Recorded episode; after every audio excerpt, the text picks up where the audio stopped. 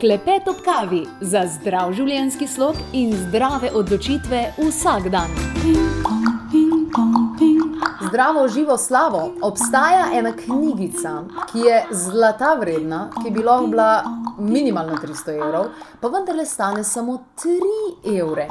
99 tes avtorja Patra, dr. Karla Gržana, ki med drugim govori o hematizmu, o pojmu, ki ga ne poznamo dobro, a vendarle dr. Karl Gržan govori o tem, na kakšen način smo ljudje ujetniki globalne prevare, torej tisto, kar je vsem pred očmi, pa nekako ne vidimo, tudi na kakšen način z nami manipulirajo in nas vodijo um, tako mediji, kot vsi ostali sistemi, kako izobraževalni sistem še zdaleč ni primeren za človeka in na kakšen način lahko lahko izstopimo iz tega in vzamemo v svoje roke svoje življenje na takšen način, da tudi sprejmemo odgovornost. Doktor Pater Karel Gržan je izjemen človek in hvaležna sem, da je bil gost v naši oddaji Klepet ob kavi. To knjigico, teh 99 test, to knjigico za tiste 3 evre, pa vam zares srčno priporočam.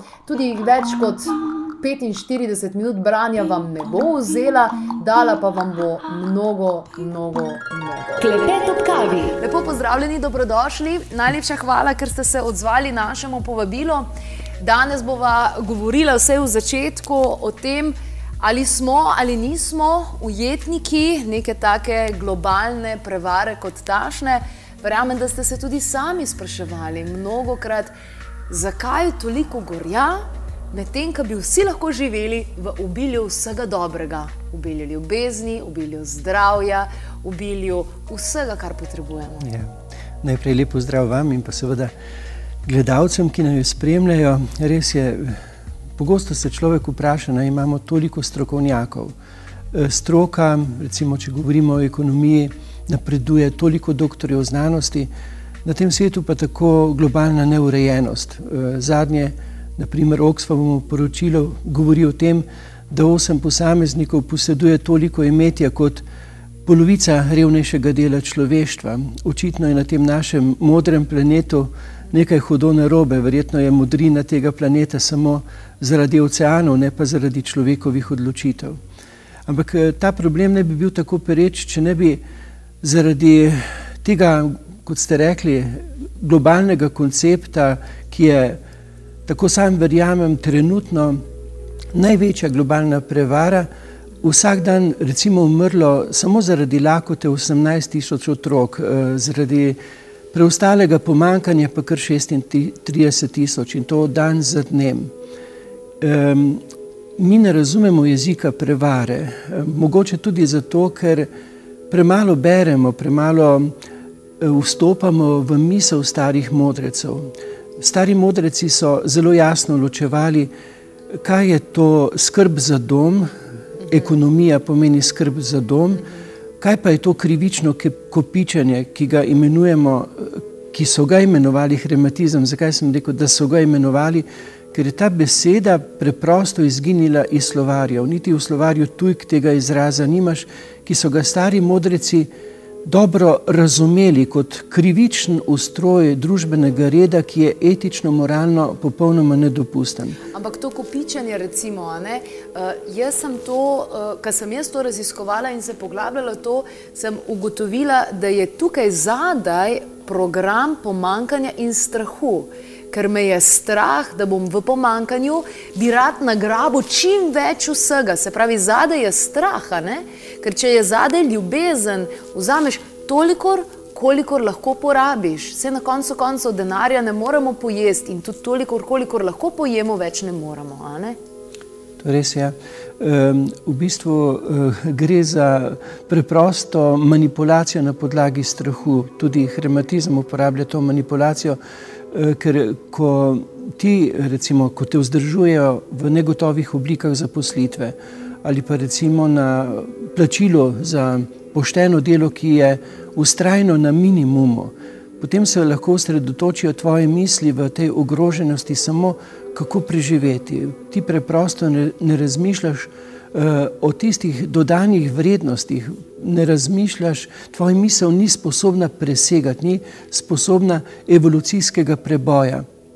Preprosto te na minimumu z ustrahovanjem eh, zelo lahko obvladujejo v interesu. Ne. In je vibracija pomankanja in je kot neka kocka, dejansko ne moreš ven, ne vidiš ven. In kar mi je zanimivo, recimo pri tašnih ljudeh.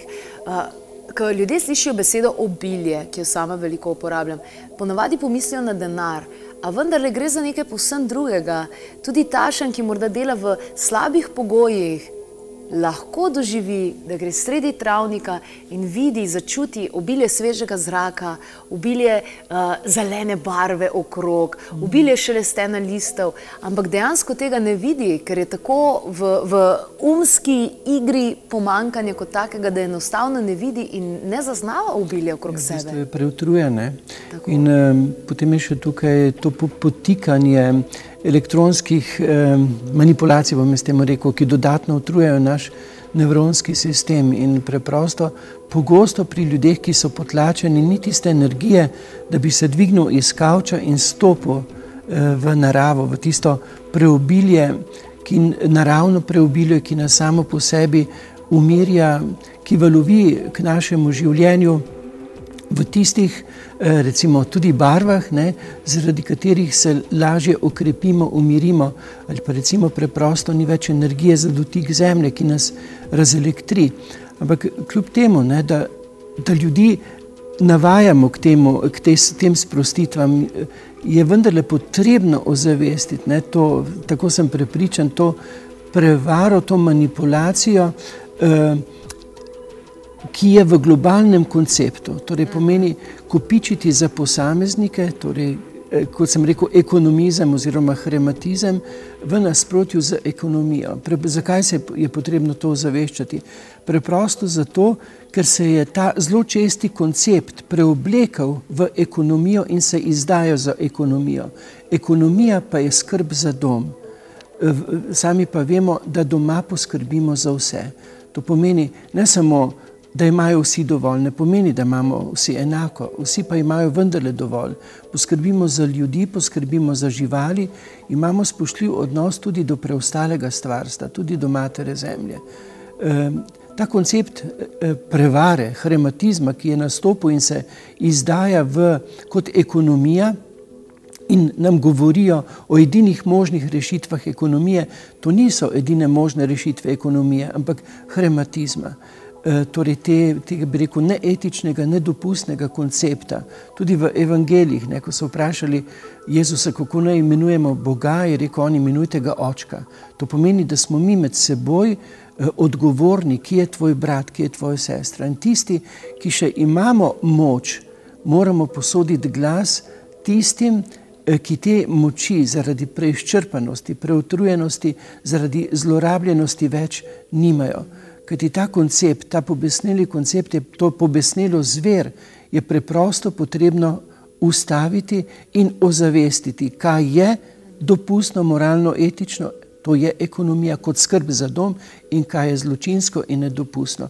In potem, ko bo človek, eh, tako je že rekel, mislim, da je rekel Marx, ne, ko bo imel potešene temeljne potrebe, torej to bazično varnost, bo imel več energije vstopiti v ta, v ta prostor, eh, naravni prostor in dejansko zaživeti v sožitju z njim. Zdaj pa ga sama stiska, eh, hočeš ali nočeš, odtujuje. Seveda pa je treba v to stisko, dejansko v tej stiski ozaveščati ljudi, ne? Kot, kot ste prej odlično rekli, ne? stopite, izstopite iz zaprtosti, eh, stopite v naravo, ampak ne samo naravo.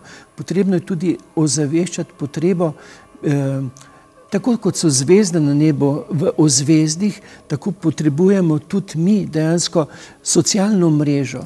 Da so, ja, da so te šibke zvezde, te slabotni posamezniki v navezi z močnejšimi, krepkejši, da preprosto ne obnemorejo ali celo ugasnejo. Všeč mi je, kako govorite o tem, kako je potrebno ljudi ozavestiti. In to je tudi, da se ljudje ozavestijo, to je tudi namen vaših ja. knjig. Uh, s tem namenom sem tudi sama pisala. In kar mi je najbolj zanimivo, je, kar sem opazovala, se pogovarjala z ljudmi.